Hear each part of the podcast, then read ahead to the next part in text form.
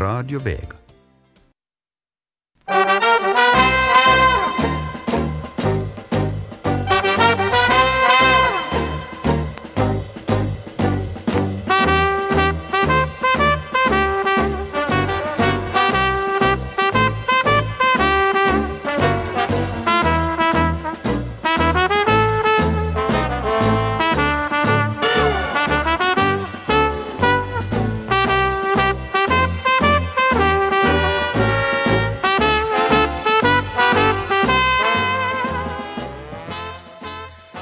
Dags att säga hjärtligt välkomna till en höst naturväktarsändning.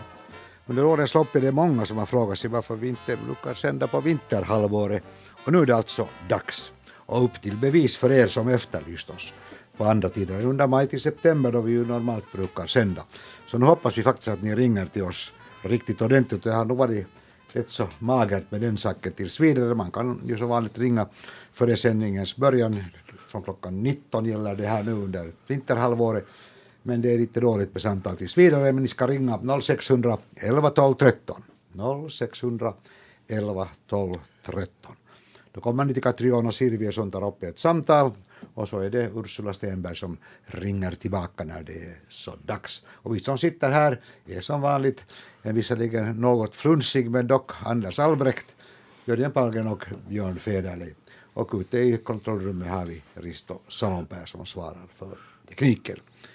Det är den sextett som sköter sändningen den här gången. 0611 12 13 ska ni alltså ringa om ni har någonting på hjärtat. Allt som gäller Finlands växter, Finlands djur och Finlands natur. Och ni kan som vanligt också sända e-post både under sändningens gång och under tiderna mellan våra sändningar. Det är ju så att vi sänder sista torsdagen varje månad och det betyder att nästa gång är det den 27 i elfte som det är så dags. Men man kan sända e-post precis när man vill och på vilka tider på dygnet som helst så kommer, hittar vi den också småningom i vår e-postlåda. Och det är vega.natur snabela yle.fi. Vega.natur snabela yle.fi. Vi är en god bit in på, på hösten och på hösten händer det ibland att vissa fågelarter dyker upp i större mängder. Hur är det i år, Jörgen?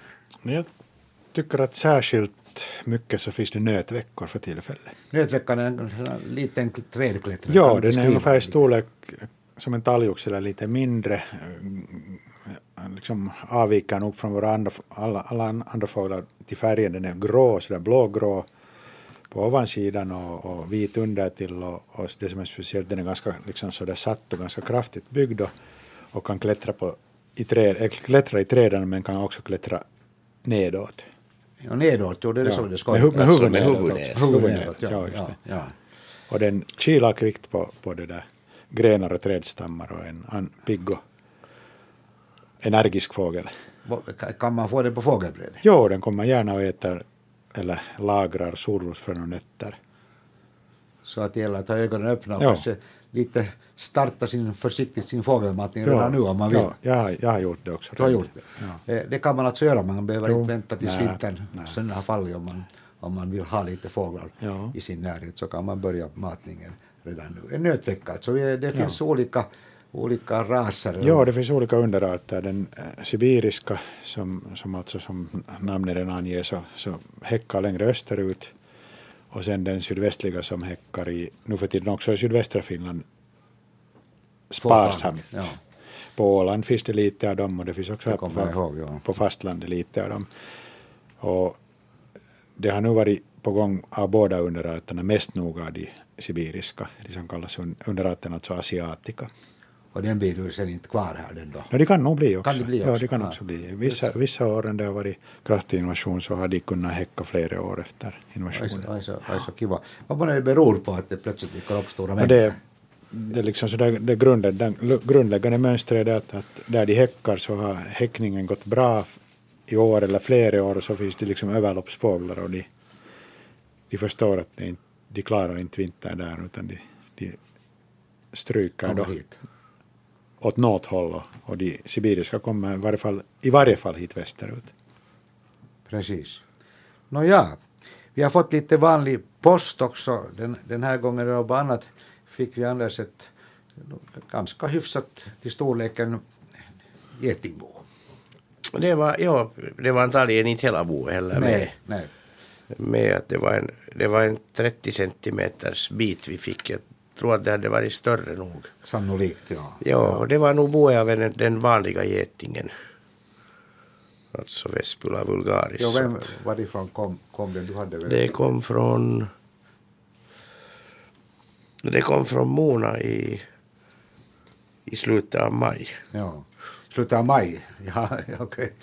Nej, nej, i maj var det ingenting. Det var i augusti som... Som det fanns. Men var det ett årets bo eller kan det ha varit ett äldrebo? det var ett äldre bo. Ja, Det, var, det var helt klart att det har varit, varit, varit en vinter stått tomt och, Precis. och farit, farit lite illa. Ja, takgetingen som, som Mona frågade om som, som ju har blivit vanligare här och, och liksom buskgetingen också som är stor och, stor och kraftig så, så det var det inte här utan det var den vanliga som är liten men den kan nog vara, vara nog så ilsken den också. Jo, det finns ganska många i ett bo då när det är aktivt. Jo, jag, jag skulle säga att jag tycker att tackgetingen är kanske mera, mera fredlig än de här. Aha. Och buskgetingen är egentligen inte aggressiv heller utan det, det är bara när den bygger bo i buskar och man går och plockar bär så, Och skakar så om skakar man om det ordentligt och då, då blir de ju arga. Det är klart. Det är klart det.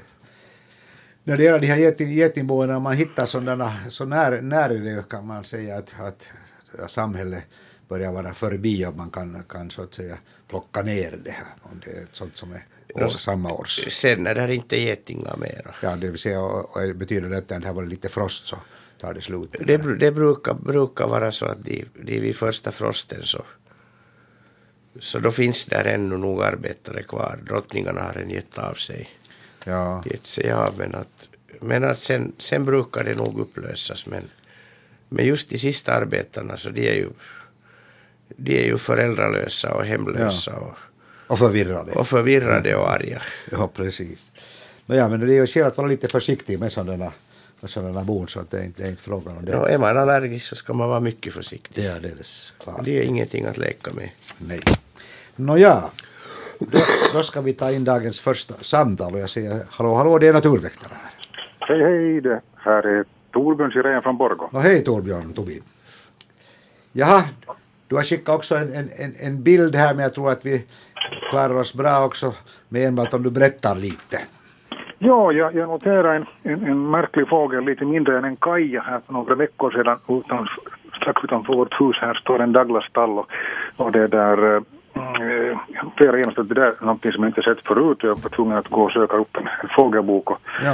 och, och kom fram till att det var en, en nötkråka, en smalnäbbad sådan. Eftersom när jag sitter på bilden så ser jag att den har ganska lång men smal näbb.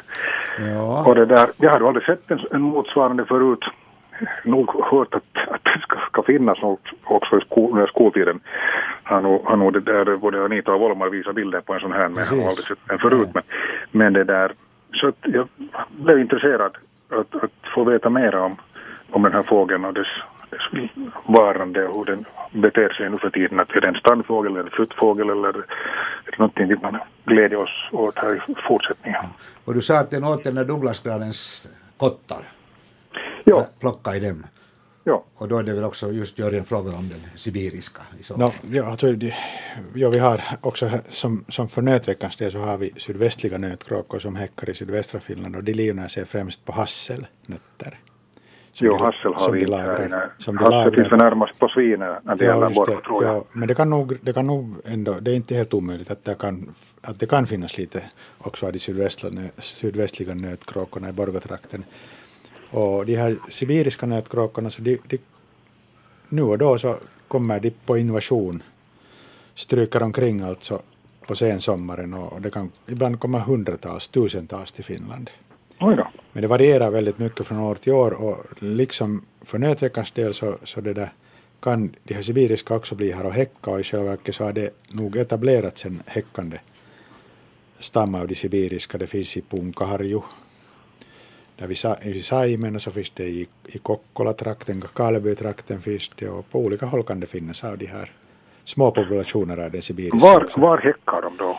Eh, De häckar i, i, i granskog, eller de bygger bo i granskog. De, alltså de här, eller jag kan, kanske kan berätta mer om den här vår egna nötkråka som alltså lagrar hasselnötter i granskogen och har boet där i granskogen och matar sen sina ungar med de här hasselnötter som de har gömt på hösten. Och mm. häckningen går bet, bättre ju mer de har lyckats, ju större, större lager de har. Ja, det här är alltså alldeles invid, invid eh, lilla och stora Borgbacken här i Borgå. Så, att, så att här skogsområdet finns här men hassel finns här ju inte. Ja, just det. det men, men, det men finns hur... ett, däremot ett flertal sådana Douglas-tallar som har haft väldigt mycket kottar de senaste åren. Ja, just det. Och det där väntas nu, jag ska se här. Här, här kommer nu en bild, Jörgen, visserligen i svartvitt, men i alla fall av den här, av den här nötkråkan. Jag tycker nog man kan ändå kan se att den har en ganska smal näbb. Jo, den ser smal ut. Den här. Det, det, kan ibland vara lite kinkiga att avgöra att är det smalnäbbad eller tjocknäbbad. För det verkar som hanen och honan skulle ha lite, lite olika mått på näbben. Men i varje fall så utseende är ju väldigt specifikt. Den är ju mörkbrun den här fågeln och har sådana vita Ja, den svartvita fläcken. Ja. Den här kombinationen av brunt och svartvitt. Ja. Det var väldigt märkligt och det ja. var väldigt skyggt. Att, att den här kajorna som rör sig här och alla andra fåglar så så inte alls lika skygga som, som den här var. Just det. Tänk om vi skulle lyssna lite på en, en, en nöt, nötkråka.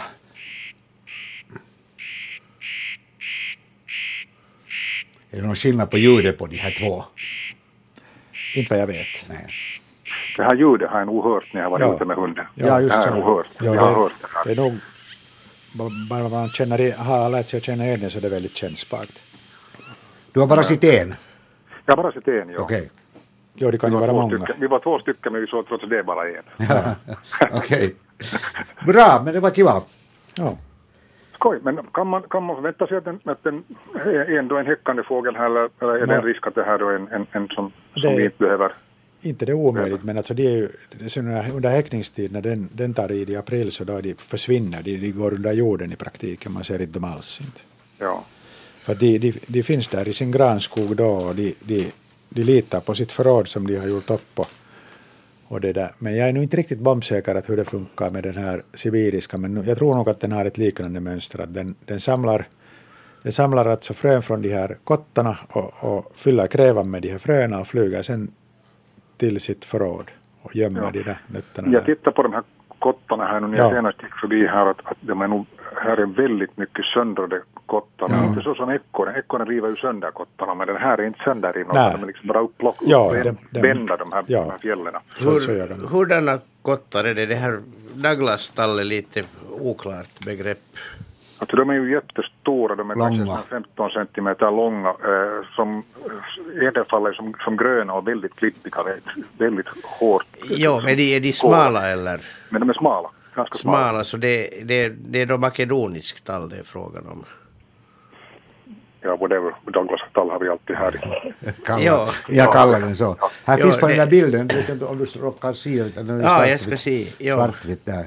Jo, det, det är den. Det är den. Det är nämligen den. Det finns en Douglas tall men jag, vad jag vet så odlas den inte i, i Norden överhuvudtaget. Den är betydligt sydligare. Ja, ja, det, alltså, det, här, är det gamla, här är området har tidigare varit Borgå stads äh, parkavdelnings sån här odlingslott äh, där de har odlat parkträd. Och därför växer alla möjliga exotiska träd och det här jag vet att de här sibiriska, de, de, alltså, de äter sämretall och makedonisk tall. Ja. Ja. Ja. Är det säkert, då är det säkert makedonisk tall. Jag, jag, tror nog, jag tror nog att det är den, för det, det är den ja. som odlas mest kanske. Sembrat, eller det är sibirisk sembra vi odlar här. Ja. Det finns nu på var och varannan begravningsplats nästan. Det, det finns ganska, det finns, ja, ja, men ganska lite i, i stan. Det fanns en i Borgå men den höggs ner. Det fanns ett stort fint träd där mitt i stan. Okej. Okay. Jag har hellre fel när det gäller tallen än när det gäller fågeln. det är bra. Tack ska du ha. Det, det, det, är faktiskt så att, att Douglas tall så det, det finns flera tallar som har kallats det men det är egentligen fel. Nåja, kanske det klarnar den här saken också samtidigt. Ja, men som sagt så vi, vi får hoppas att, att, att, vi får se den flera gånger. Ja, det ska vi hoppas. Ja, och det, och, hoppas få bättre bilder den, den följande. Ja, i varje fall så om, om ni har en sån här när i närheten, så här tall, så, så vissa år finns det säkert av de här nöttorkarna, vissa år inte. Att det, det, kom, det, liksom, det varierar. Inte, inte något regelbundet mönster, men det, det, är, det finns i varje fall av de här sibiriska liksom hela tiden. Men vissa Ja. är det väldigt många och då, kom, då kommer det säkert också till den här tallen. Bra! Jättebra. Tack ska du ha. Tack. Ha en bra höst. Tack. Detsamma. Detsamma. Hej, hej. Ja. Vi har fått lite sån här vanlig post också här. Bland annat har vi fått en, en plastpåse med diverse rötter. Och det är nog väldigt förvirrande för oss. Det är Berit som har skickat det. Hon har dem i sitt potatisland och när hon tar bort de här rötterna så kommer det nya istället. Och vi har inte liksom riktigt nu kommit underfund med vad det kan tänkas vara för att rö- rötter. Det är inte kvickrot och det är inte, inte kirskål och inte något annat heller. Så att det där Nej, det, alltså det kan vara potatis. potatisens egna rötter. Ja, Ja, och det är... men att de var ju de var gamla de här. Ja. De, var, de var väldigt, väldigt mörkna och, Ja. och möjliga att man, man såg inte, inte någonting. Att det, det som jag såg när jag tittade med lupp att de, de ändorna, det verk, verkar som de skulle vara lite, lite håriga vilket skulle stämma på potatisrötter. Jag ska nog ta hand om dem i alla fall vi ska försöka analysera det hela och Ja. se om vi ska kunna komma underfund med vad det kan tänkas vara. Och så har vi fått en tändsticksask. Det är ganska länge sedan den kom som innehåller sådana, sådana vad ska vi säga, skinn, vita skinnlika eh, runda bildningar som man hade hittat längs en, en, en stig. Jag tror att det var i Pargas, men jag är inte riktigt säker. Tyvärr finns det ingen avsändare heller kvar mera. Men att vad, de här, vad den här tändsticksasken innehåller, det tror jag vi är ganska överens om. Ja, det är, det där, det är ungefär de här äggen, de är alltså, vad ska vi kalla det, de är inte, de är lite skruttiga men de är två och en halv cent långa ungefär och, och lite på 10 milli breda. Alldeles typ, de är sådär, inte riktigt rent vita, sådär naturvita och, och vi var alla överens senast om att det är snokägg. Jo, de kan finnas ganska många Ja. där, där var snoken har lagt dem. Ja. Sen har de då tydligen i kläckningsskedet på något sätt spritt sig. Ja, det är ju när, när ormungen kommer ut från det här ägget så, så det, det kan ju fastna liksom på den här Ja, unga, unga snoken en stund och då, då kan de sprida sig ut från det stället där de, där de kläcks. de är sådana sk- om man, Skinnägg. skinnägg. Ja, när, det gäller, när hönsen ibland har blivit störda och inte verkar få ett hyggligt skal på sina ägg så kallar man ju den för skinnägg och då, då är det just bara den där hinnan som de har och, snokäggen är just sådana. Ja, de är, de, de, de, de är ju aldrig liksom hårda som fågeläggen utan de är just sådär Precis. skinnaktiga, mjuka. Bra. Okej, sen när vi pratar lite om, om det här om, om det här om matning av, av, av fåglar så det är Eva som undrar om, om, det, när det gäller att man matar ju väldigt ofta med solrosfrön för att det, det kanske är det mest ekonomiskt fördelaktiga. Är det någon skillnad om man an, använder oskalade eller skalade? Det där. No, det är på något sätt så att det verkar som enefåglar inte riktigt skulle kunna hantera de där oskalade. Oskalade? Ja. Aha. Och det märks nog i, plånboken. No, det gör det Ja. naturligtvis. Är de skallade ju mycket dyrare att köpa. Jo, och sen, sen när, när ekorrar och nötskrikor och andra lagrar dem Ja. så har man med skal så lagrar de bara en bråkdel av det de om man har, om man har skalade så då, då tar det ju verkligt mycket. Det, Ja. blir, det blir nog väldigt dyrt. Jag tycker nog att, att, att det går jättebra med oskalade solrosfrön. Det har jag nog, nog alltid använt. Och, Och att, att det lutar alla, alla mesar och sånt hand och dem och hackar, hackar enkelt loss det där skalet så det inte de, har, de har nog gott om tid för det nu Ja.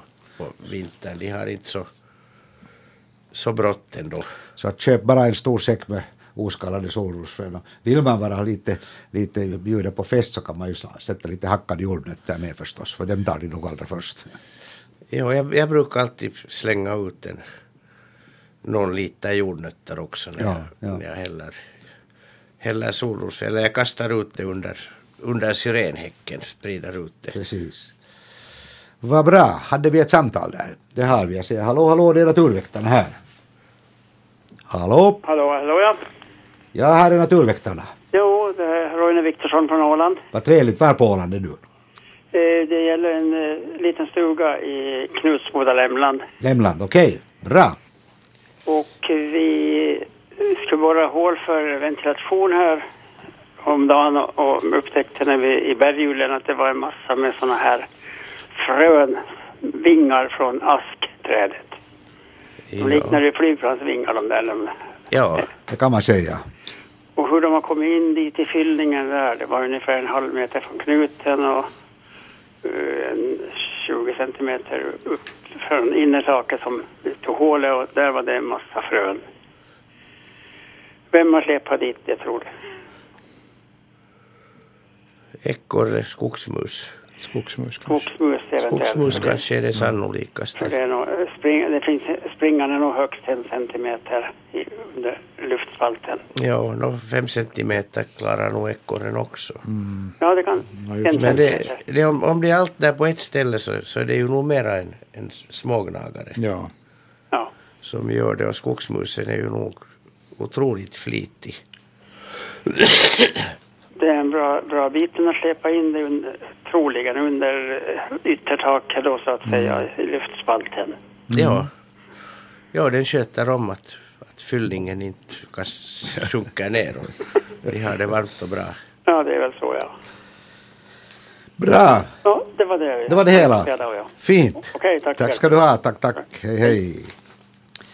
Ja, då när vi senast var i Etern för en månad sedan så hade vi ett eh, lite bekymmer, bekymmer med ett träd som vi hade lite, eller ett, ja det var nog ett träd fast den inte så hög förstås. Och det är nog en ört. Fast, ja, det är en ört, aha det är en ört, just så, ja precis, fast den såg sådär trädlik ut. Och den, är, den är ganska trädlik ja, och, ja, och precis. kraftig. Ja. Men, och, och det här och, och du har kommit underfund med vad det var frågan om.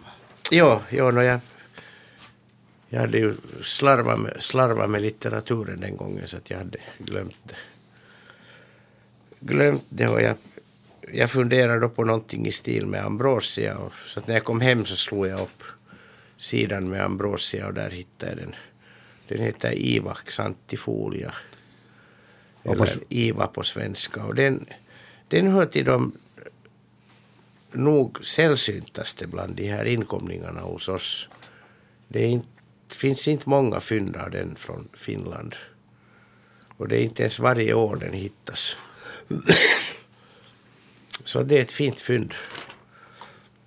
Och vi fick, vi fick ju meddelande av, av den som frågade att hon hade också kommit underfund med det själv. Ja. Vad sa du om dess, äh, hittar man den så att säga? Ja, den, den kommer in med fågelfrön, Få- Fågelfrö. men mycket sällan.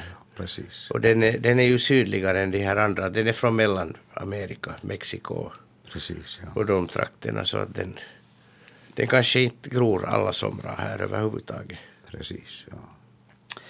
Jaha, Svensson, herr, dam, har undrar om vi har fått ett paket som en skoa ska innehålla ett getingbo. För ungefär tio minuter sedan pratade vi om det här getingboet i, i vår sändning och, Anders konstaterade att det var ett, en vanlig getings, Det var en getings, getingsbo. ett, ett gammalt bo, ja. gammalt bo av en vanlig geting så vi ska inte uppehålla oss så mycket mera kring den saken så att eh, du, du måste på något sätt ha missat missa början av sändningen. Men det, det, Ja, det, det men inte, inte, den, inte den mindre farlig än takgetingen. okej. Den är mindre men kanske aggressivare. Så.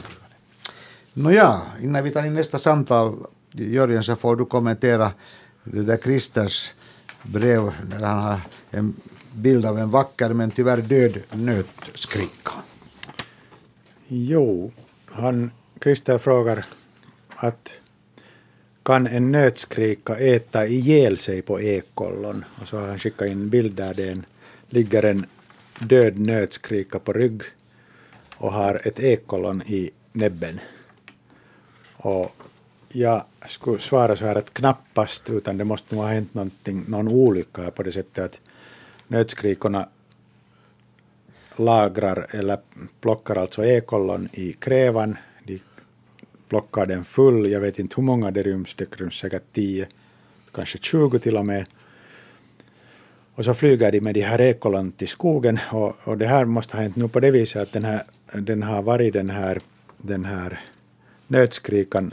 Den kanske inte har varit prick här vid den här eken. För jag ser inte något ekblad här på den här bilden. Jag ser bara björklöv. Men i varje fall så har den blivit säkert överraskad av en sparvhök eller någonting annat och, och, och det där han har dött och så har ett av de här ollonen som den har haft i krävan har ploppat upp.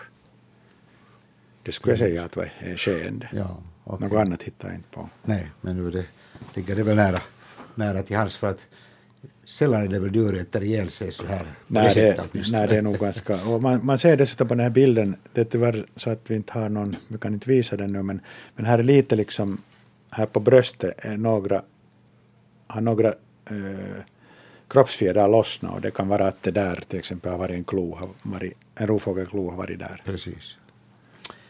Okej, då ska vi se om vi har ett eh, nytt samtal på, på kommande där. Och jag säger hallå, hallå, det är Naturväktarna här. Ja, Kjell Åse från Tammerfors här. Hej. Hej, hej, hej.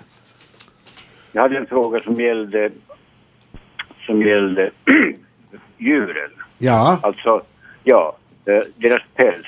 De, Precis. de, de, by, de byter ju päls. många gör det, ja. ja. Eh, Alltså inte med varandra utan, utan eh, den är vita vinterfärgen kommer då och på sommaren så är färgen annorlunda. Precis. Ja, varför? Ja, det finns väl nog en mycket naturlig förklaring. Vem av herrarna vill kommentera den? Anders? Ja, de som, de som byter färg, de gör det därför att omgivningen byter färg och de gör det för att inte synas.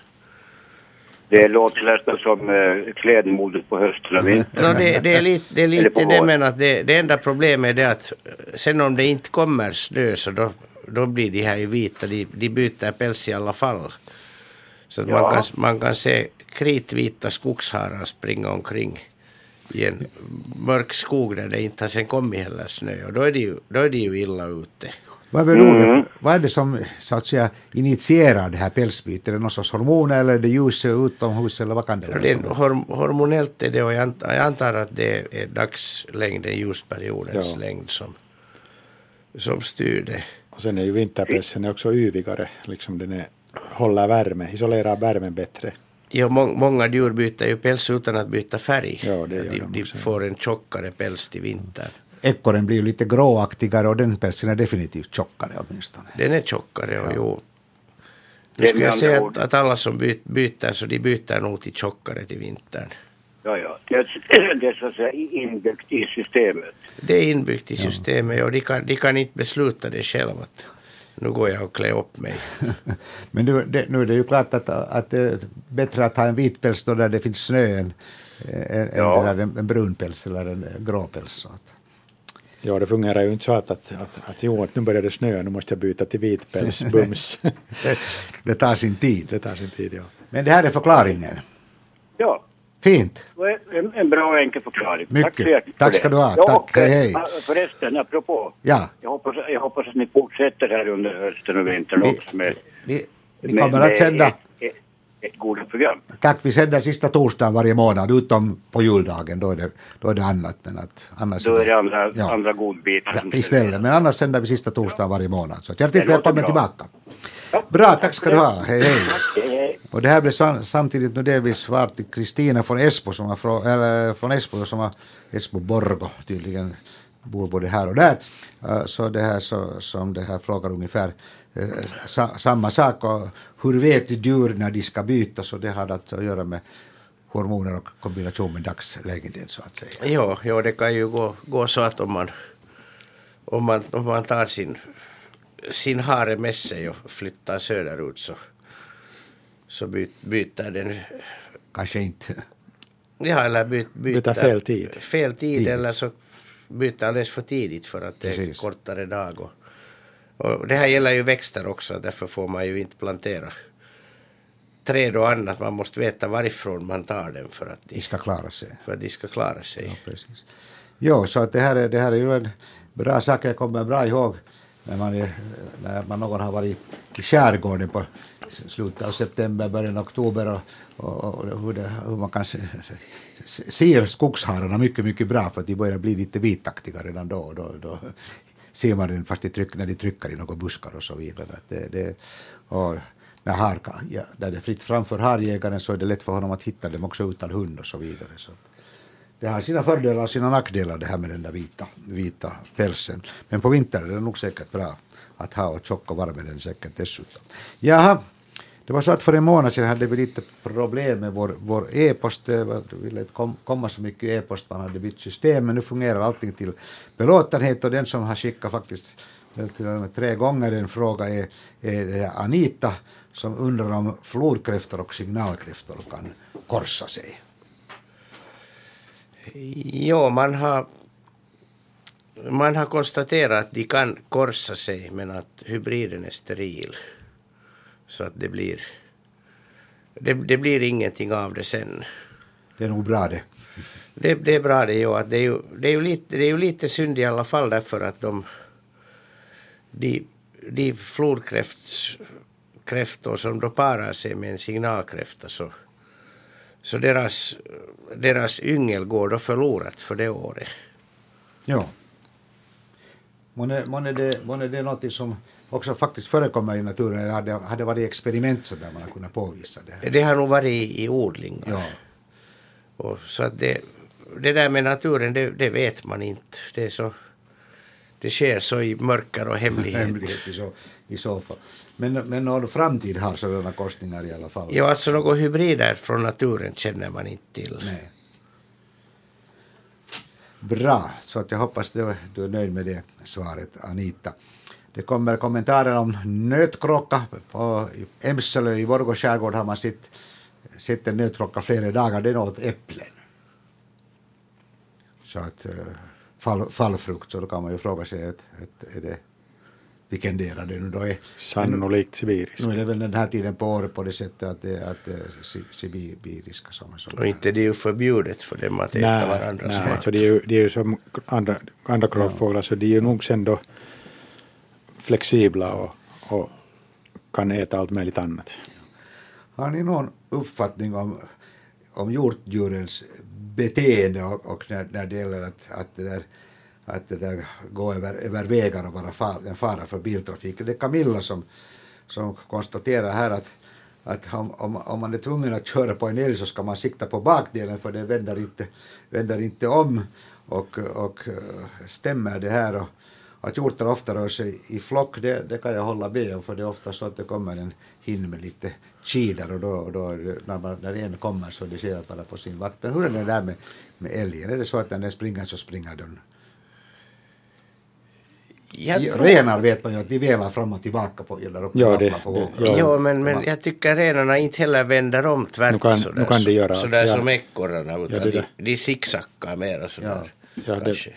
bekant i Lappland som, som han var länsman i själva verket, han sa nog att, att liksom turisterna är alldeles jättevårdslösa med de där renarna, att de, de liksom bryr sig inte alls om Ja. det händer därför alldeles onödigt, onödigt mycket olyckor, att älgarna, nej älgarna, renarna är liksom, de är, de är vimsiga helt enkelt. Ja, precis. precis. Re- Renarna springer ju ofta längst, Längs med med vägen, vägen. ja, det stämmer, ja. Det är ytterst sällan man ser älgar eller hjortar springa annat än tvärs över. Är ofta ja, men de kan- kan nog liksom, de här små hjortdjuren, till exempel rådjur, så man ser nog dem liksom hänga där vid vägkanten, men jag tror att de äter. De äter, Det äter ja. Men att älg, älgen också, så det kommer ju ofta någon efter sen. Ja, Också när det är, om det är en Så ko med kalvar till exempel. Ja, så, Man ska då försöka sikta mellan älgarna. ja, men alltså bakdelen är den man ska sikta på, så, så, så, så, sägs det. Så säger de här Ja, ja. som är i trafikskydd och har forskat i saken. Pre- Precis. Och när det gäller just hjortdjur så det, det är kanske vanligare att, att, att det ofta är, det kommer en, en, en hind, en, en, en, en, en hind med sina kidare som och först springer hon och så kommer de efter. Så Ja. att säga. att det, det, det har jag upplevt flera gånger. Så att det är allt skäl att vara, vara försiktig. Ja, här kommer ändå också ytterligare en, en, en fråga som har kommit här för några minuter sedan som gäller lekgäddor.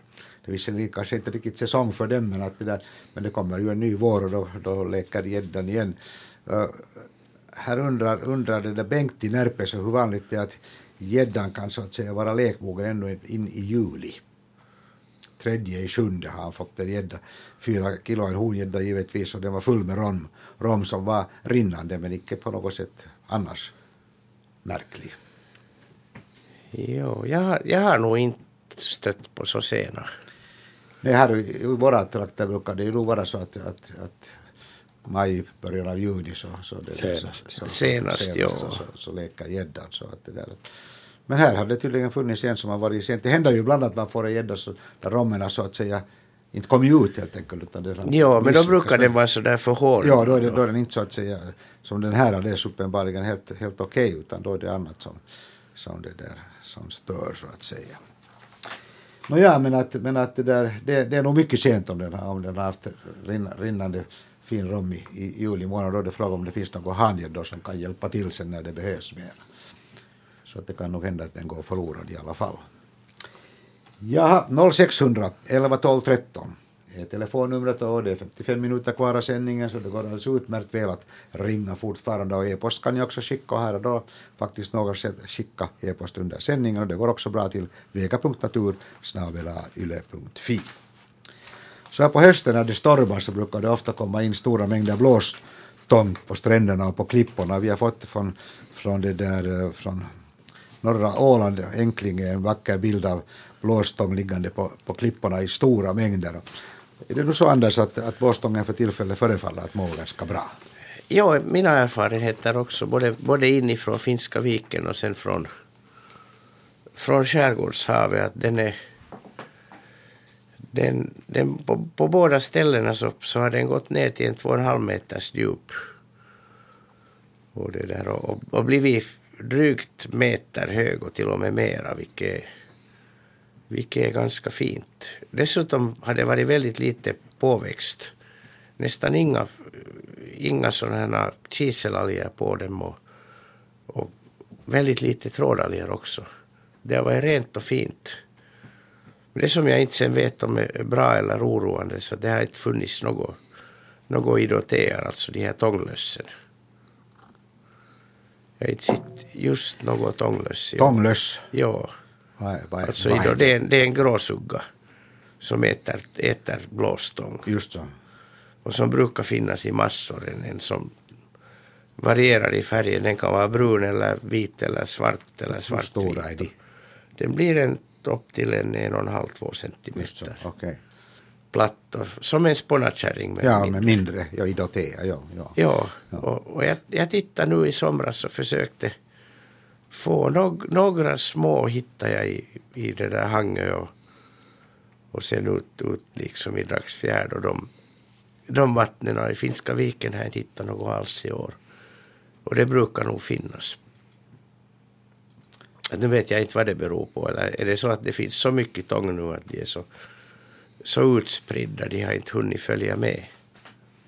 Det är ju möjligt, men bästa lyssnare om ni rör nu ute i skär, skärgården här och ser stora mängder tång så titta nu lite efter om det finns sådana gråsuggsliknande två, vad sa du, en och halv, två centimeter långa. Ja, Kan man nog säga att det är någon sorts kräftdjur fast det kanske inte riktigt är kräftdjur. De är kräftdjur, jo. Kräftdjur, jo okej. men de är då platta. Platta, ja precis. Platta och sen, sen de äter ju, de betar ju på tången så att den här, speciellt de äldre delarna blir bortätna så att det är bara den där tjockare mittnerven som blir kvar. Ja, och det ser man ju bra Det ser man bra, ja. Okej, så att håll ögonen och, ja, inte öronen i det här fallet, håll ögonen öppna så, så, så att säga. Ja, i havsvatten kan man ju bra hålla dem uppe. Här undrar Mona också var, var de här eländiga flugorna övervintrar när man vaknar plötsligt ute på sin stu, stuga när det blivit varmt och skönt och så det där så surrar av flugor. Var håller de huset? Ja, det är ju, det är ju mest fråga om en, en, en speciell art som kallas fönsterfluga som är parasit på dagmaskar. Jaha, det finns det nog inte inomhus förstås men. Nej, inte dagmaskar, men, men den flugan är... Den, I naturen så övervintrar den i barkspringor. Och den, den går in i alla springor i hus. Och så kommer man till stugan och så värmer man. Och jag har tänkt flu, flugan att nu har sol, börjar solen värma upp väggen och så söker de sig mot värmen. Och, och kommer förstås åt fel håll så kommer de in i huset istället. Att I naturen så är varma sidan alltid solen och ute. Ja, ja, det är klart. Ja, nej, det, det, det hör till. Det. Vi, har, vi har sovrummet fullt av dem. Och, om man lite värme så sätter de igång. Och, Men de flyger väl inte medan det är mörkt, utan först sen när man sätter på lampan. de flyger i ljus, jo. Ja. Ja. Så Men de, det finns de stör inte när man sover, men, men nog däremellan.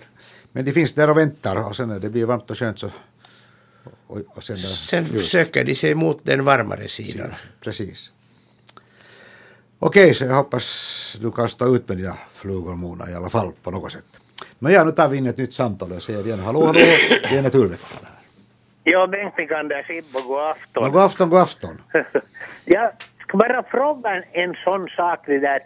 Jag hade en god granne som gav mig några hundra kilo havre. Jaha, ja. Men det där, vad är det för fåglar som äter havre? Eller får jag hjorten och älgen på visit?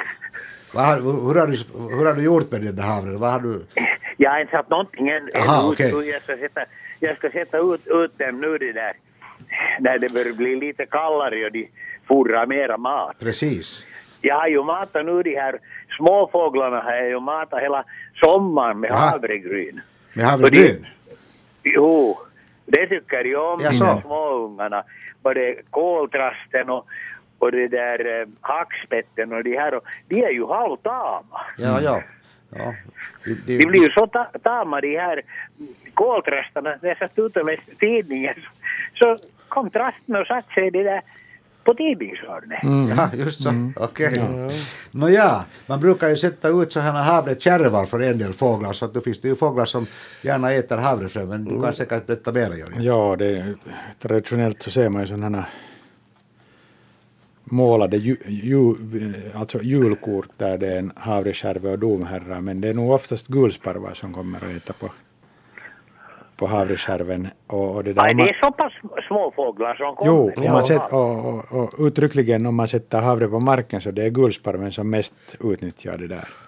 Aj, jaha, ja, jag Men- tänkte bara att det, att det är skator och kråkor och nötskrikan. Nå, de, kom, de kommer nog också äta men, men för gulsparven är det alldeles, liksom, det är alldeles den fundamentala Stapelfödan. födan. Men Aj, vänt, jaha, vänta tills det jaha. kommer snö för att före snön kommer det inte ändå. Ja, just det kan komma lite. Då ja, lite, men att när det, när det kommer lite snö så då är det där bums. Att jag brukar Just. sätta havre då när det har kommit snö. Och då har vi Aha, gulsparvarna där. Då, då får man vänta ännu ett litet tag. Det Ja. får man väl nog göra, jo. Jo, för, för vi börjar ha snö på våra breddgrader. Pre precis. Ja, men havre, jag, jag brukar nog sätta... Ja, det brukar gå 80 kilo havre för mig varje vinter. Aha. Och du har ingen god granne som ger den åt dig. Eh, Nej, men det är ju, det är ju, det är ju inte havre är ju det billigaste av Det är säkert det, inte samma sätt kostsamt. Nej, det har du rätt i. Nåja, så att, vänta, då, vänta då, lite. Då är det bra att veta att man får, får några småfåglar. För jag, jag tänker inte sätta den här havren nära vad de här småfåglarna går och äta. För, för om det kommer något större sen så de stör ju bara varann. Nå jo, nå jo. Men nu brukar de samsas någorlunda. Jag, jag brukar sprida ut dem under syrenerna så att de har gott om utrymme. Att, Och lite skydd så att och, lite, och lite skydd mot rovfåglar. Jo, det måste de ha, jo, för det är mycket bättre om det är lite skydd där. För, för man vet ju aldrig när höken kommer på visit. Ja, den, det. den brukar nog vara där och den, nu lyckas den också. Nå jo, förstås, förstås. är Det en del alltid som går den vägen, tyvärr. Ja. Ja, nå jo, det så ska det nog vara i naturen. Ja. Men fint, lycka till! Jo, jo, tack, tack. Bra. Tack! Jo, Jo, tack. ha det Hej. bra. Hej, hej, hej, hej. Jaha, nu ska vi beta lite vidare i vår e-post. Här är en som rubricerar ormar i träd? Frågetecken. Det är Ulf som har skickat, skickat en bild på en, på en, en snok som är ganska sannolikt en god bit uppe i ett träd. Jo, den är alldeles... Var det två meter? Nej. det- Nej, det, Det, det står i- två meter upp i ja, en gran. två meter Ja, upp i en gran precis, alldeles. Ja. Det är ju en stor snok där. Den är kanske Dessutom. 40-50 cent till och med. Är det säkert, ja, det är nog Till och med i alla fall. Ja. ja, snoken är skicklig. Den klättrar om den har ärende. Och antagligen så har den haft, i det här fallet så har det varit ärende på det sättet att den har kunnat utnyttja solvärmen, Ja. tror jag. Hur är det med huggormen? Frågar han Den, också. den kan också klättra men den är inte riktigt lika bra. De använder sina Ja. fjäll på något sätt som... Ja, de kan, jag tror att den här också har kunnat utnyttja de här, den här snoken har kunnat utnyttja de här grenarna ganska effektivt. Och man vet nog att, att huggormen kan klättra till exempel upp till fågelholkar för att äta ägg och ungar. Ja, det, det händer nog. Ja. Jag har nog ett par gånger upplevt en Ja. huggorm i en holk. Ja, Det har nog hänt ringmärkare ju Ja. att de har fått vara lite försiktiga så att Just det, säga. just det. Så, så att man ska nog alltid kolla före man stickar in handen. ja. Att det inte, att det inte är någon som lurar så att säga. Jo, båda två klättrar och, och det där och den här var ju faktiskt ganska så stor och fin ut. Ja, Fina gula fläckar och så vidare. Så. Jaha, Gustav har skickat en bild av en växt och undrar vad det nu är för en, en sån här vit, vit, kanske svagt kärblommig, vitblommig liten blomma, Anders. Vänta nu, det där var fel. Fel papper, nu har jag... Den här, den här Ah, den ja. Jo, det är en, det är en ögontröst. Alltså det är en, det är en liten 5 till 20-25 centimeter hög beroende lite på hur, hur de växte med, med små sådär lite lite rut, ruterformade blad, ganska grovt tandade. Små och, och en sån där läppblomsterliknande blomma som de är visserligen inte läppblommiga men, men i alla fall med en sån här underläpp och sido, sido vad kallas de vingar och en sån där huva på och lite sån här lite violetta streck och en, en gul, egentligen är det där två gula fläckar in, in mot, mot den här kronpipen som leder in indjuren. Och det, det är ett, ett släkte ögontröstarna som är ganska besvärliga. Små 10 centimeter i vankaste heller. Ja, de, de minsta jag har sett så det är, det är tre millimeter skälk också en stor blomma Ja, på. precis. Ja, ja. Men att upp, upp till 25-30 centimeter blir de, I bästa fall, ja. blir de i bästa fall. Hur många arter finns det? Ja, de är ganska många. 15 stycken, Ah, något det, sånt. ja. Det är ganska många. De flesta är, är ovanliga. Att det är, antagligen är det eufrasia strikta det här. Men att man, man kan inte se kännetecknen på den här bilden. Man måste gå och titta på behåring och, och bladtänder och så här. Men ögontröst i alla fall. I alla fall. Okej. Det här... eh, Här kommer en från, från Liljendal i östra Nyland. Vi har sett vad vi tror var en härfågel.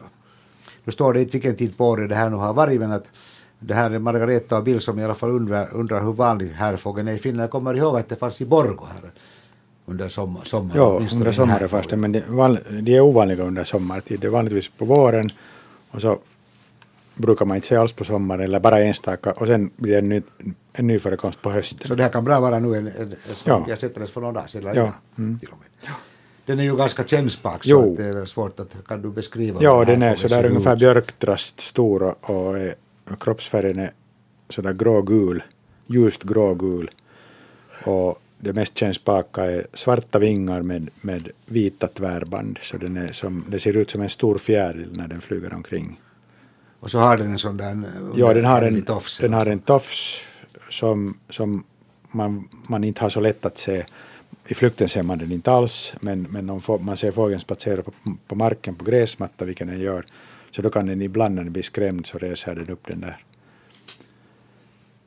Om vi nu kallar det sen då tofs eller vad det, vad det är. Men en sån En sån här in, indian. Indian.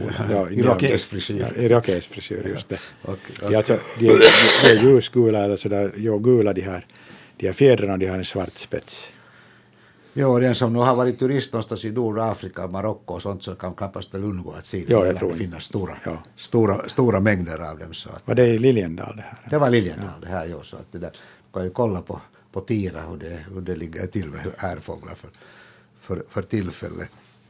Kanske vi, Anders, medan Jörgen sysslar med det där, titta på en konstig, konstig svamp från Pargas. Jo, ja, det var den här Den här med röd. röda, röda korven. Ja, precis, ja, ja just det. Ja, ja det, den, det är som en röd, röd korv, lite grannare i toppen och lite spetsig. Och, och de är sådär 5 till 10 till 15 centimeter långa. Här står inte något mått Nej, på den här men, men den, den klassen i alla fall. Och de, de växer gärna på, på frodigt gärna på mörket trä, att sådana här spånbanor, Spånbanor, och sånt ja. är, är populära. Och det är en, den heter rödfotad stinksvamp.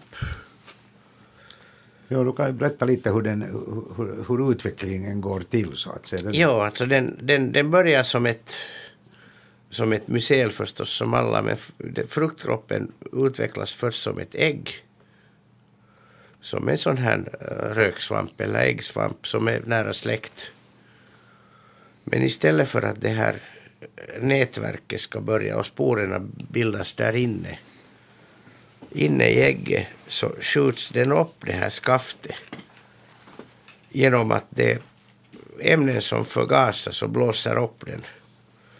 Och den, är- den är lite så där uppvispad som maräng ungefär, den här foten. Och toppen är täckt av den här spormassan som luktar illa och är meningen att ska locka dit flugor och, och asbaggar och sånt som går och, och kliver i det och sen söker de ju sig vanligen till frodiga näringsrika ställen gödsel och kanske murkna, murkna svampar och, och murket trä och sådär och då sprider de sporerna till, till lämpliga ställen. jag har ett intryck att den ibland är lite vanligare, eller vissa somrar kan vara lite vanligare. Och så, Den är, om, det är var, varma fuktiga höstar så kan den vara väldigt, väldigt riklig, speciellt i, i sydväst. Ja. Men nu också, åtminstone längs hela sydkusten så. Sa du att det finns två närstående arter, vilka den andra är? Är No, det, finns, det finns en annan, jo, men nu minns jag inte vad den hette. Men den är mycket sällsyntare. Den är mycket sällsyntare och den, den har betydligt blekare fot. Fot. Att det här är nu det här är den som det nästan alltid är. Jag tror inte vi har haft den andra på Nej. I sändningen enda gång Nej, det- så länge jag minns. Okej. Det här, jag, medan Anders pratade om den här stinksvampen så var jag, Jörgen kom hit och tittade på en bild som Per-Henrik Wik från Vasa skickade in. En orm som man såg i Helvetinjärvi nationalpark i september. Du kan säkert säga vad, vad det var för en, en ormlik varelse. Ja, det var en ormslå kopparorm eller kopparöla, den har många namn. Jo, så att, den är ju sådär vackert, vackert det där kopparfärgad och, och det här och det ser man nog på den här bilden också fast den är lite, lite blek. Och vi har fått e-post också, jag såg att du bläddrade Ja. i din hög så du tog säkert Ja, jag tog fram det. e-post- För jag E-posten som vi hade fått ang- angående kopparormen eller ödlan på Åland. Ja, det var Jan som har, har det där han har, har hyrt stuga i Kumlinge och, och eller det var en vän som har hyrt en stuga i, Kumlinge och har sett sig har sett där kopparorm, vaskikärme på finska eller och det där han det är alltså kopparödla eller kopparorm eller ormslå på svenska och, och så frågade han kan det vara möjligt för enligt Wikipedia så ska den, finnas på, ska den inte finnas på Åland med undantag för några holmar i södra skärgården. Det var komiskt att jag hittade den här samma, samma uppgiften men sen eh, bläddrade jag lite i, i, i Hatikka observationsdatabasen som Naturhistoriska centralmuseet har och där hittade jag nog en, en åländsk observation till. Det var gjord på Vårdö, eller det, det var en kopparorm som hade blivit överkörd.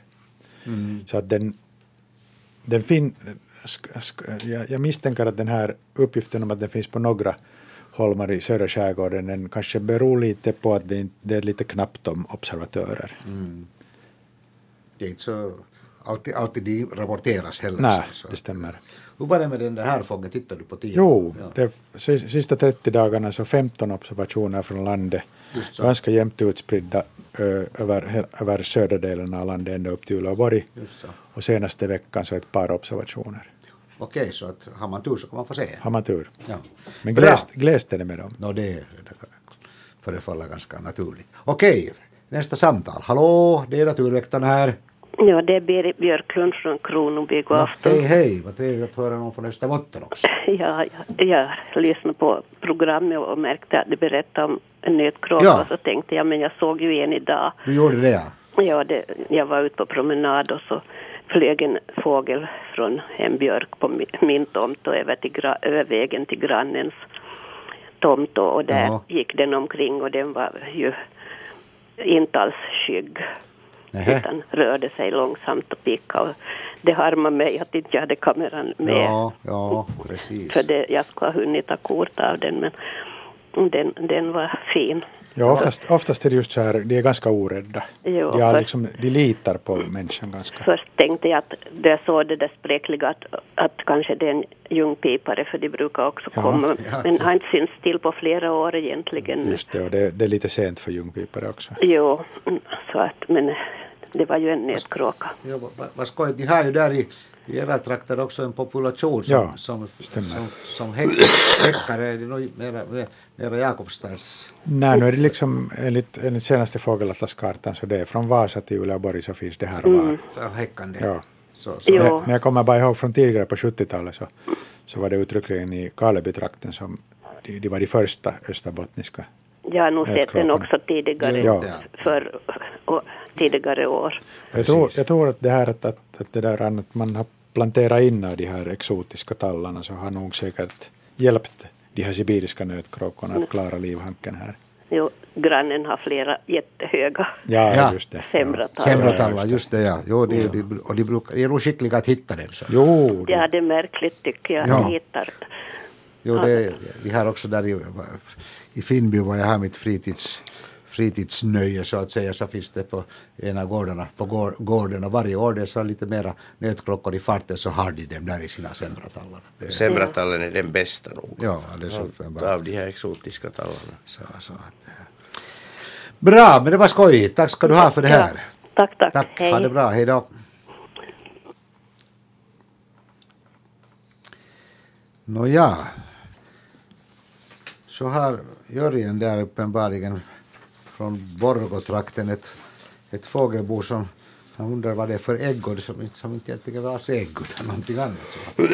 Han hamnade i fågelboet. Ja, det här var en ganska skojig grej. Det är alltså Walter från Borgå som har skickat, skickat in ett, ett, en bild på ett bo. Det är, det, det är ett äppelträd, det är ännu grönt här. Men, och det måste alltså vara från lite tidigare period, men i varje fall så det är ett, det är ett, eh, ett bo i en grenklyka och det är kanske, nåja, jag vet ju att det här är ett björktrastbo och jag skulle försöka bara beskriva hur det ser ut. Det är, det är torra gräs som är använt här på, på, på yttersidan av boet. Och, de här björktrastborna är ju ganska skickligt byggda. De använder ju sen då lera där inne i boet så de kan, de, kan, de kan finnas där hela vintern i själva verket. Följande vår till och med, men de trastarna alltså bygger alltid ett nytt bo. Men det som har hänt här att här, är- här är det där, här är sådana granna äggliknande frukter i det här boet och i äpplen här i boet och det måste ha hänt att här är då liksom tre, två alldeles fina äpplen och en sån, ett sånt här mumifierat. Det måste alltså ha hänt att det är mycket äpplen i träden i året. Äpplena har trillat ner här i boet och blivit liggande där i boet och ser ut som, som om det skulle vara äppelägg i boet. Så det, sånt kan också hända med, Ja. med, med andra ord. Jaha Anders, du har någonting som är rubricerad svampig svamp. Det är Monica som har, Svampig svamp, ja. som har skick- skickat en, en, en sån. Så att det där, Ja, nu skulle vi nog gärna se, se undersidan på den. Att, hon hade för bråttom sa hon. mm, ja, no, det, det det ser ut så det är det, är det där över, övermogen barrskogsskalljohan. Man ser alltså hattöversidan eller de sorgliga resterna. hattöver, de sorgliga resterna av hattöversidan. Det, det är min tippning utan att, utan att se mer än det här. Det kan vara fel men på basen av vad jag nu ser så, så drar jag den slutsatsen. Okej. Jag skulle inte äta det i alla fall. Nej, säkert inte. Det här, jo, bra. Jag hoppas Monica du är nöjd med det svaret. Eh, Jag gav åt, åt Jörja just här en, en bild som har kommit på e-posten av Dennis från Perus i Kristinestad. Och han, en fågel som är lite burrig, ganska ljus här. Kan du på basen av den här Jo. bilden Ja. med vad, Den är säkert fotograferad tidigare på sommaren. Inte Jo, i mitten av juni. Ja, just det. just Ja, det precis. ja, det är en- Det- Den är grå på ovansidan, har lite strimmor på gässan kan man se, har en tunn näbb och, det där är en sån där småfågel och det är en gråflugsnappare. En gråflugsnappare? Ja. Okej. Okay. det var ju... Den sitter, ty, flugknapparen sitter typiskt så här upprätt och ganska synligt spanar insekter. Och... Dennis, en grå flugsnappare är det alltså du har haft här i, tidigare på försommaren. Det kan i själva verket vara att den sjunger, den har näbben lite öppen. Mm, precis. Nåja, sen Anders, Anders så det här, jag har nu just varit upptagen att vi försöker ringa, men vi ska försöka ringa lite senare. Vi kan ta här istället en bild av den här strimlusen som har blivit väldigt populär tycks det, eller åtminstone blivit ganska vanlig. No, den, den, har blivit, den har blivit vanlig och den blir ju populär av alla som ser den för den är ju rolig. Den kallas ju pyjamaslus på finska vilket är ett mycket bra namn. Pyjamalude, jo. Jo, jo. Det, är, det, är det är en ganska stor bärfis som är grannröd med svarta, svarta längsränder hela vägen och sen är kanten kanten är så där rutig och undersidan är, är ljus, ljusare så här rödaktig med svarta runda prickar så den har alla upptänkliga teckningar. Det är Bo som har skickat in den här och det var på Libsticka. Ja, han hade massa växter i sin trädgård men alla de där lusarna var på, eller vad man ska kalla dem, eh, bärfisarna var på det där på Libsticka. Ja, ja Libsticka är nytt, nytt för mig. Det det den normalt föredrar framom allt annat så det är vildmorot. Sånt har vi inte så hemskt mycket hos vi oss. Har inte, vi har inte, nej, på, på Åland finns det ju ja, en del. Och, ja. men, att, men att den går nog på an, andra, annat också. Men att, till exempel på Öland så, jag hittade tusentals av dem och de var alla på vildmorot. Mm. Det fanns inte en, en enda bredvid. Så att, men det, det är Flock, roligt. Flockblomstriga växter tycks den prefereras. Alltså, det, det prefererar den åtminstone ja. på sensommaren för det är då deras frön utvecklas och det är dem den suger på. Precis. Huvud, huvudsakligen. Men att det är roligt, den har ju inte funnits många år här. Nej. Hos oss blir det det. Nej, fem år kanske, något i den stilen. Gör den något illa? Jo, de och alla gör ju illa, de suger ju på växterna. Ja, jag tänkte närmast på sådana vanliga så kallade bärfisar som man får dem med smultronen så smakar det inte något vidare. No, den här smakar som de. De, men man får att om man ät, äter libsticka i trädgården så. Ja, det, kan, det kanske man kan eller, göra den. Eller vildmorotsfrön. Ja. Libsticka använder man ju lite som buljongkrydda till exempel. Jo, det, det är nog möjligt att den här går på bär och smultron också för att de de, bärfisarna de är inte så bundna vid vissa växter fast de prefererar vissa. Precis. Nåja, vi tar ett nytt samtal här och jag säger hallå, hallå, det är Naturväktarna här. Hej, det här är Kristina. Jag skulle vilja prata om mina vattenväxter på vän också. Gör jag har det. haft väldigt mycket tidigare sånt här abborrgräs. Och på samma liksom djup ungefär så hade jag i år sån där som såg ut som, som skosnöre. Men det var nog inte tjocka utan det var som när man tog upp det så var det nog mest som sånt sjögräs. Och när man tog upp dem och, och, och, så det där kom det alltid med en liten sten sådär en, Just, en två, tre ja, ja. centimeter. Ja, ja det, är en, det, är en, det, där, det är en brun alg. Är det en brun alg? Jaha. Ja, den kallas, den kallas det där sudare. Vad sa du, förlåt? Sudare, sudare eller snärjtång, ja. men sudare är det som Aha, jo. Offici officiella namnet. Den kan faktiskt bli upp till fyra meter lång. Också hos oss? Jo, nej, det var, det var, nej det jag tror inte, men i södra Östersjön. Antingen som skosnören eller lakritssnören, ja, någon ja, ja, det passar jättebra. Den, den, men det där, tar den livet av abborrgräset på något sätt? Nej, inte alls. Aha, för jag hade väldigt lite... De, de växer på hård, hård botten. Det kan vara en liten sten faktiskt. Ja, ja det, det, det kommer alltid upp en liten sten. Och den kan på, på ett par, tre meters djup. Ja, ungefär. Så, så kan den bilda enorma skogar som... Ja, det, det, det var väldigt mycket. Det var därför jag hade så lite abborrgräs. Jo, jo, sa, är, saknar ju... du abborrgräset? Om jag saknar? Ja. Jo, jag tyckte det var vackert när det blommade. Så hade... ja, just det. Okay. Men jag har haft en sån brema av blommande abborrgräs. Ja, ja. Surdan är ju väldigt vacker i solsken för att när den är nedsänkt så är den, har den ungefär en 3-4 millimeter långa silverfärgade hår helt och hållet beklädd. Aha, och det när det glimmar i solen så är det en, det är en otrolig syn. Jo. Men tar man upp den så då sjunker inte. de, man ser inte dem. Nej. Nej, nej. Säga att jag har inte heller, i, i, jag hade sån här ganska mycket blåstång som kom i land sen och, och överhuvudtaget när jag, när jag tog upp och satt på mina, mina buskar så där var nog inga spånakärringar på den heller. Nej, nej. Inte Ja. små alltså. Nej. Nej, nej. det, det, är nog, det är nog ganska lite. Annars den här surdan så hör till våra, våra godaste alger Att äta. att äta. Aha, hur lagar man den då? Vi, vi, vi gjorde så att, att som rå, som, man kan tugga på den som rå. Aha, Men att bäst blev den när vi, vi förvällde den snabbt ja. och sen, sen hackade vi den i bitar och, och det där stekte i panna med lite lök och så åt vi den med ris och det var sagolikt gott. Aha, men det måste jag prova nästa sommar. Det kan du Ja. göra. Ja. Ja, men tack, det var Ja. jättefint. Lycka till. Tack så mycket. Tack, Hej. tack. Hej, hej. Vetenskapliga namnet på den är Cordafilum. Corda, Cordafilum, ja det är. Vi har inte så hemskt många sådana brunalger hos oss egentligen. Vi har ganska få. Ja, Ja, de hör väl mera hemma i de där stora världshaven så att de är säga. mera, ja vi har ju, blåstången är ju vår största. Ja, ja.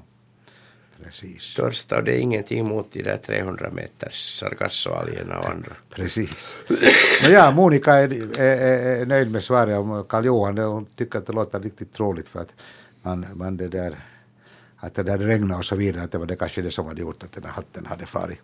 Jo, farit de, de och far så. med, med åldern och, Ja, och det och där, så- om, om det är och vått så då så- sjunker de sådär. och- Så att det där, så Svamp- det var, svampar det var till sig. alldeles bra det.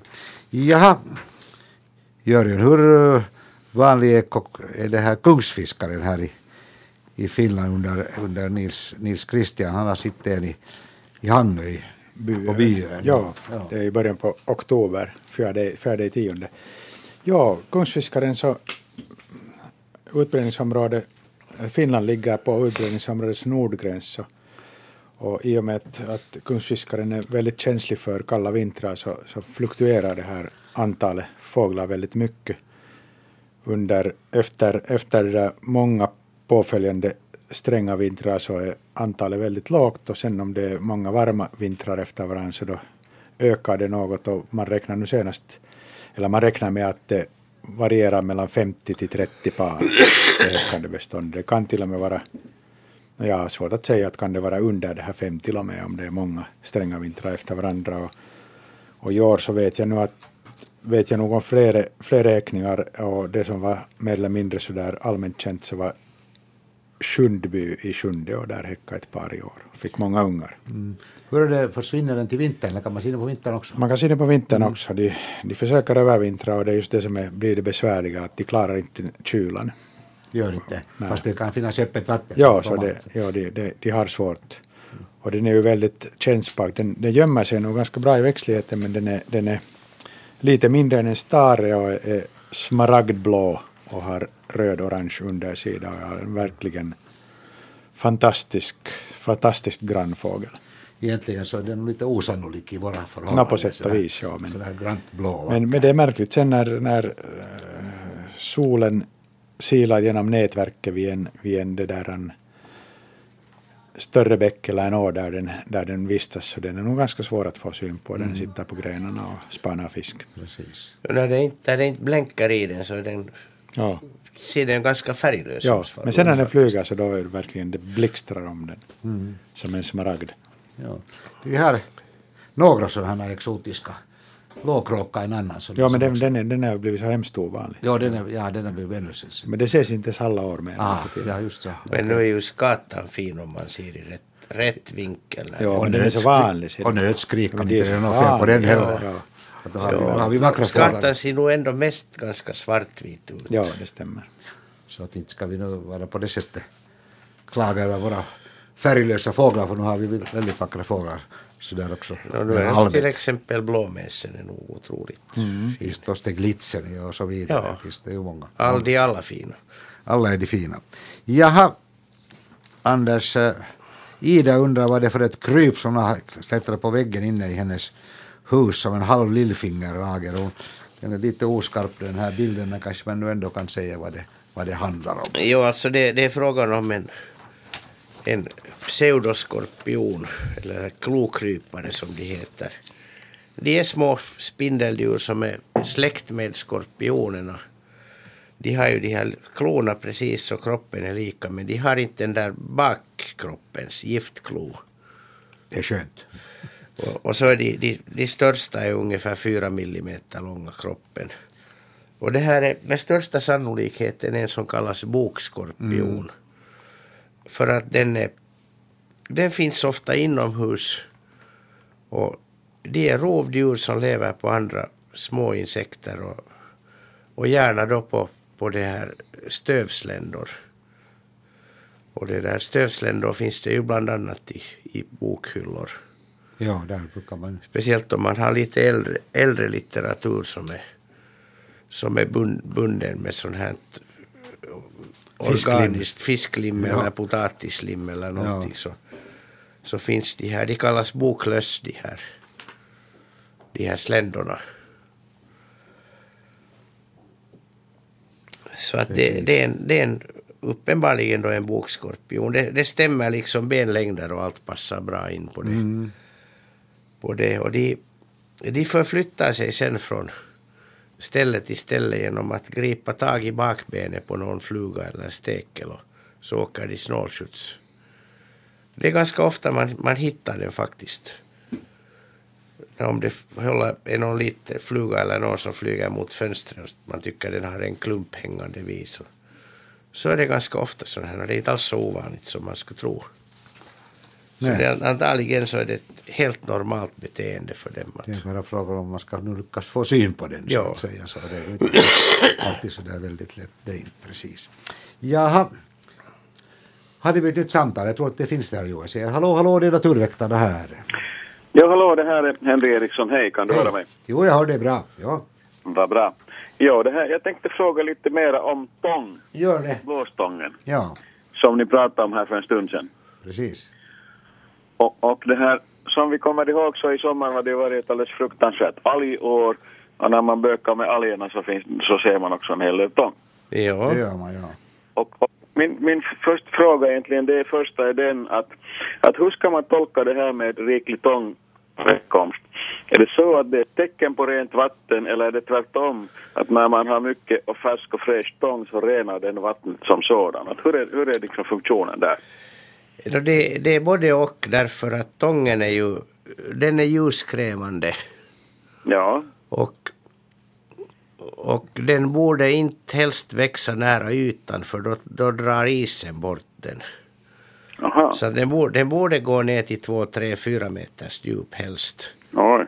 Mhm. För att an, annars, så speciellt vid lågvatten på vintern, så det har ju hänt, hänt att isen har farit iväg med alltihop. De Jaha, ja, tång är fast. nog väldigt mycket vid, vid ytan och, på Ja. sommar, sommarvattenståndet så, så Ja. ser man ju en hel del som, som guppar vid ytan där och den är definitivt Ja. inte djupt nere. Men Mm. att den, den, nu i år, de som jag tittade, så de, var, de var, gick ner till en och en halv, två meter Ja, djup och kom nära ytan ändå, för de var så höga att de var upp till en och en halv meter höga. ja, ja, det det stämmer. där. Men det som man konstaterar i år, både i Finska viken och i Skärgårdshavet, att de var mycket rena. Och det, Mhm. det betyder att de hade inte påväxt av, av kiselalger, vilket de ofta har. Då blir de sådär grå, grådammiga liksom. Mhm. Kiselalgerna är ju mikroskopiska och de ser ut som ett grått damm på dem. Ja, Och mycket lite trådalger också. just så. Så att ja. tången hade det Men- mycket bra. Ja, men, men det där är det så, nu är ju, stången finns ju mera i, i mera saltare vatten, åtminstone Ja. jag har rört mig i Norge och liknande ställen så finns det ju mycket mera tång än hos oss. Att, att, att uh, reagera liksom på salthalten i vattnet, är det så att det är ett tecken på saltvatten om det finns mycket tång eller? Uh, nej, den, den, den, har, den har ett visst krav, nu minns jag inte exakt var det ligger, men att den behöver väldigt lite salt, vår, vår blåstång. Aha. Men för att, för Ja. att kunna växa så, ska, så är det ändå frågan om är det ett par tre promille i alla fall att det ska kunna. Nu ska den ha ett par promille åtminstone Ja. för att föröka Jag sig. tycker att Ja. den tar slut vid kvarken. Ja vid, Ja, vid Kvarken kommer ju in den här andra arten. Ah, sen. just det var på Och det vi bor ju där i Eknäs skärgård var vi ju har en sån där kan följa med de här växterna ända från yttersta skärgården upp i Pujoviken så tar den väl fastväxande slut någonstans där söder om Eknäs i alla fall. Mm. Jo, men, men det, det, det är ofta beroende på det också att det, det, det kan vara grumligt vatten Mm. i, fladdor och så här. Om det är lerbotten så då trivs inte tången. Nej. Aha. Nej, vi finns ju själv där i Kimita skärgård och funderar hur vi ska göra. Väldigt konkret fråga då med risk av att avslöja mig att, att det här, när vi hade då mycket alger så, så när de algerna kom vis, liksom drivande förbi så fastnade de i tången som var ganska högt uppe. Jo. Du menar du de här blågröna algerna? Ja, och då drog jag bort lite, tång- för att få de här förbaskade algerna att flyta vidare. Jaha. Men kanske det var en dum idé, kanske att tångerna skulle tro att tången tvärtom borde vara kvar för att, att minska på algerna. no, den, det är nog bra att ha tången kvar men å andra sidan om de här algmattorna fastnar på den så, så mår den inte alls bra. Mm, ja. Men att den, de här algerna som fastnar på den, var det, var det trådar? Ja, vet jag inte säga vad det är, men att den förbannade algerna som var det där inhöljda i, i blå, blåa grejer, så det var nog liksom exkrementer direkt från, från fartygen som tuffade på Östersjön, så att det var nog inget roligt. Jo, nej, jag, men, jag menar det de har blivit nu av dem. Jag vet nog vad de har varit. Jag, jag har nog sett dem där på Viking Buffé också. Ja, vad det blivit nu vet jag inte, för jag har kört den på, so- på vår naturell soptipp. Men okej, jo, men att, men att de som tolka- fastnar Mm. i, i tången så det är nog trådalger. Jaha, ja. Och det är, inte- det är inte lika farligt. Och de, de, hellre får man ju lyfta upp dem än att låta dem fara Bra. vidare. Men att blågrönalgerna är ju sen en helt annan sak. Ja, De fastnar inte på samma sätt men de kan driva in och det är ju, det är ju ett problem nu närmast. Största problemet där var det, var det djupt vatten. ja. Alltså skärgård, skärgårdshavet är ju det allra värsta. ja, absolut. Till exempel inne i Finska viken är det inget större problem med dem. Mm, ja, just det. Jag läste i någon väst, västnyländsk tidning, ja, vi ska inte göra reklam för dem, att eh, det ska göras någon sån här manual för, för, för strandskötsel och jag väntar mycket kraftigt på den, starkt på den, för att få ett råd av att vad ska man krafsa bort och vad ska man låta vara kvar och sådant. Och, så att eh, det där skulle vi gärna vilja ha, ha tips på. Ja. Sista frågan är den att när tidigare så samlade ju skärgårdsborna då tång som de kallar för höter och tog upp i land och gjorde kompostaden och så småningom blev det mull. Ja. Är nu detta någonting som man fortfarande kan rekommendera? Vi sysslar åtminstone med det som har en mycket karg holme som behöver mull. Jo, jag tycker utan vidare och, och speciellt om man bor, bor vid någon fladda där, där tången inte är fastväxande. Mm, ja, Så det, det, samlas, det samlas mycket som, som nog växer i ytan. Men att den kan bilda ett halv till en meter tjockt lager och, och där, där underst på det så blir det nog syrebrist lätt. aha, aha, Och ja. då, då skulle det vara bra att lite, lite lätta på det där. De, Ja. de övre lagen producerar syre och de har, de har liv. ja. Men un, under till så, så, för det hindrar all vattenströmning. Men nu, är Ah, det, okej. nu, nu är det bra gödsel, nu kan man ju säga det nu. Jo, jo alltså som, som, som gödsel är den ypperlig. Ja, jag har förstått att i, i gamla tider i Skottland så Ja. samlade man tång och sålde den som alkalibindande gö- gödsel och, och när det sen kom andra, tyvärr, konstgödsel så, så där gick den näringen i konkurs och folk blev arbetslösa i Skottland. Ja, så, så här ja, kan ja. det gå. Och det som driver upp på stränderna som sådana här tångvallar så det, det är ju bästa tänk, tänkbara komposten. Ja. ja, men bra. Vi fortsätter Fint. med det här att, att det. lämpa in våra tångvallar upp på land så att det inte smiter och att göra kompost av dem. Fint. Bra, utmärkt. Tack för det. God fortsättning, hej hej. Hej. Ja, det brukar höra till saken att vi har åtminstone ett par e-postbrev med bilder av, av eh, avföring eller dju- djuravföring närmast. Och det har vi också den här gången. Du har den Björgen där bredvid dig. Ett, eh, en har kommit av Ba och den andra har kommit av, av, av Roland och i vardera fallet så finns det en hel del rött inblandat i den här själva, själva avföringen. Ja, det är typiskt det här, alltså här är, här är mycket avföring på de här bilderna och, och, och en del av de här är sådär korvaktiga, jag tror att de är en och en halv centimeter eller två centimeter i, i, i det, liksom De är ungefär fem rönnbär, tjocka. Ja, ungefär. Och sen är de kanske 2-3 centimeter, 3-4 centimeter långa och olika ålder och, och väldigt olika färgade. Och det är just typiskt för sådana här djurarter som, som äter mångsidigt. Att det, det, det ser väldigt olika ut. Den här som Ba har skickat, så här ser man inte så väldigt mycket bär. Men man skönjer här bär, man skönjer några röda bär. Men sen den här, den här andra som hade kommit från från det där Roland så här ser man bär hur mycket som helst och särskilt mycket rönnbär. Och jag skulle säga att det är mårdhund som finns avbildat på de här båda bilderna. Det låter väl väldigt Ja, det, jag håller nog med, med dig Ja. om det. bra. det. Alltså det är riktigt vackert det här. Ja, Ja, grant det är och fint. Vack- Ja, Vackra, vackra höstfärger. Ja. man kunde bra ha en, en sån här tavla på väggen. Till, till och med, ja just det. Och de, de, de använder ju sin, de har ett sånt här avträde, ett ställe där de, där de, de går och gör sina behov och, och det där. Precis. Så blir det såna stora, kan bli sådana stora högar. Okej. Och, och det är verkligen just återspeglar den här mångsidiga födan som de äter. Precis. Det här eh, Ingeborg, vi har, jag hittar tyvärr inte i vår e-post någonting om, om rödhake. Så jag kan, vi kan nog inte ge något svar på, på din fråga den, den här gången. Men skicka gärna ett, nytt e-postbrev så kan vi se vi kan återkomma till den den 20, 27 i elfte. Jag misstänker att det blir lite för kort varsel för att få med den nu den här gången. Men att om du kan skicka till nästa gång så ska vi försöka reda ut vad det, vad det är fr- frågan om. Vi ska försöka hinna med åtminstone ett samtal nu. Eh, det här Inger hade där i Malax undrar, undrar, hon har en värmekompostor som har nu blivit fylld med både köksavfall och gräsklipp och löv och sånt. Och nu undrar hon om hon kan spara det till våren och sätta ut det först då.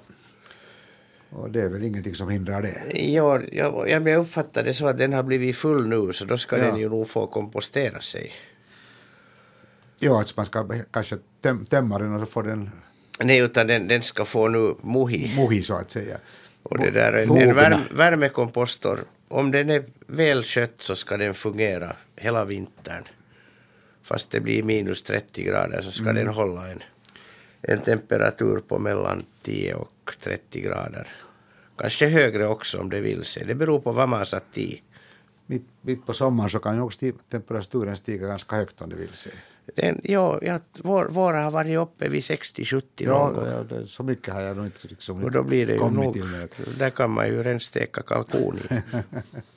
Det är i alla fall så förmultnar det bra. Det är ju nog bra att den får förmultna ordentligt innan man sätter ut den förstås. Så har man, Ja. får man bättre effekt av den där. Jo, enda risken om det blir dålig ventilation så då bildas det ammoniak. Ja.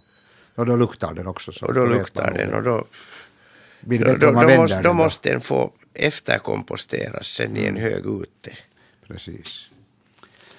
Nåja, lätt samtal ska vi hinna med. Det kommer här och säger hallå, hallå, det är Naturväktarna. No, det är Levi här, hej. Nå, hej Levi, hej.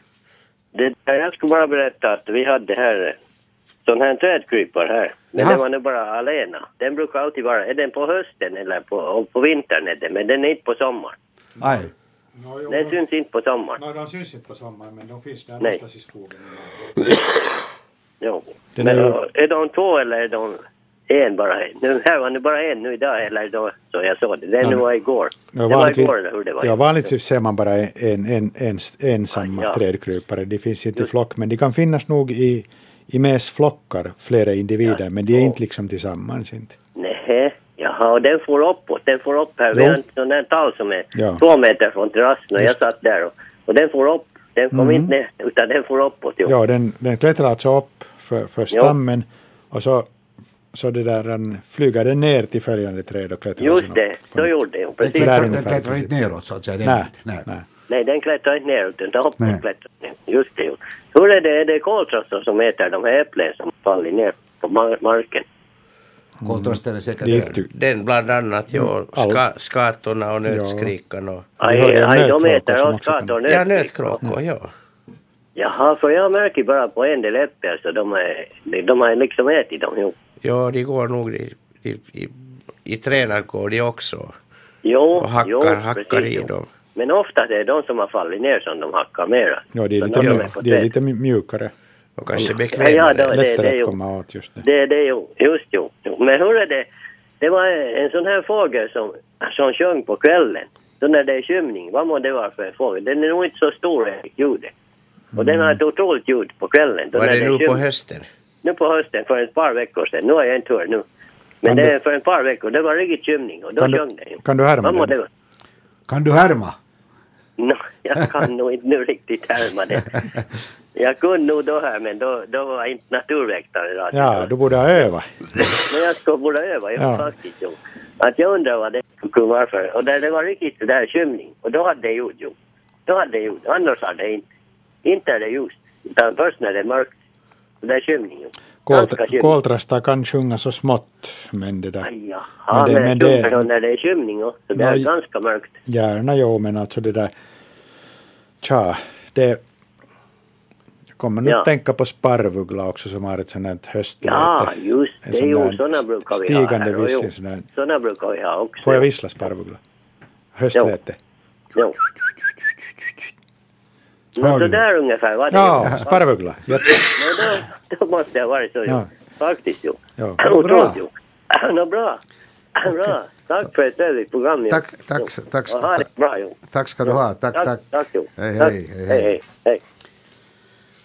Nåja, i, i vår e-post har vi också från Jakobstad ett, en bild med en, en trästam eller vad det nu kan, ja det är väl en trästam som har blivit väldigt gnagad, gnavad så att säga och, och, och sliten och, och undrar, nu undrar Isabella vem det kan ha som har tuggat på trädet säger hon. Frågan är om de nu har tuggat eller om den bara har gridit sig mot det men att i alla fall. Ja, vi begrundar det här. Det är, ett, det är alltså ett lövträd. Du giss- Anders gissade att det skulle vara en rönn. Det skulle kunna vara rönn, ja. Ja, det kan nog hända. Och, och den har då en, ska vi säga en skada här på stammen som är, den kanske är en 20-30 centimeter lång eller kanske 40 till och med. Och det är liksom, liksom basten är uppsliten. Men Ja. den, den verkar vara liksom böjd också. Att det har, det har gått ganska djupt. Den, den, är inte, den är inte uppskrapad av sådär som när rå, hjortdjur Ja, när de, horn. ja, det är sant. Ja. Det, det, är det, är en annan, annat slitage som, som jag känner igen från när, när det har varit fallna träd har legat och, och skavat mot varandra. Så jag tycker det, det ser ut som ett sånt ställe att det skulle ha legat något, något annat träd under en, en längre tid och långsamt skava upp det här. Och så har det på något sätt sen då fallit ifrån så att säga eller? Jo, alltså det, det ser, ut- dessutom är den böjd så att det har spruckit Ja. själva veden. Mm. Så jag skulle kunna tänka mig att om, om det har legat ett fallet träd på och, och legat där liksom och, och gunga lite och så har någon gren tagit i här. Mm. Låter bra. Och sen har, man, sen har man då tagit bort det där trädet och då har det här blivit kvar. Eller det är det bästa vi kommer på nu. det är det bästa, ja. Det är sådana fria fantasier. Ja, just det. Nå jo, men det kan vara lika bra som vilken annan förklaring som Nå, helst. bättre har vi inte. Nej. Kan du Anders Res kort säga vad det är för en svamp som Sten Lundberg har skickat in och sedan kanske också helt kort kommentera Thomas Holms vita lingonblad. Det är det jag frågar om. Du har en knapp minut på Okej, svampen är pudrad trattskivling. En del tycker om den, andra inte. Det måste man prova. Och sen, sen den här vita, vita lingonbladen. Det är en, en svamp som kallas lingonsvulst, alltså en parasitsvamp. Som, som lever i, i lingonriset och sen när den blir mogen så kommer den ut ut och bildar, bildar en sån här, den förstör klorofyllet och det blir en vit eller vitrosa eller till och med grannrött kan det bli ofta. En svamp alltså. Okej, en svamp. det var dagens naturväktarsändning. Nästa torsdag är det svenska dagen och då är det ingen ex experttimme utan vi får gå två veckor framåt i tiden till den 13 då sp- språkväktarna är ute i etern. Vill ni skicka E-post till experttimmen är e-postadressen expert.yle.fi eller snabela yle.fi. Vill ni skicka e-post till oss så är det vega.natur yle.fi. Vi hörs nästa gång den 27 11 som vanligt klockan 19.30 en torsdag och då kan man ringa både till oss och till experttimmen efter klockan 19. Och e-postadressen är alltså vega.natur yle.fi. Men tack ska ni ha för ikväll. Vi hörs igen. Hej då.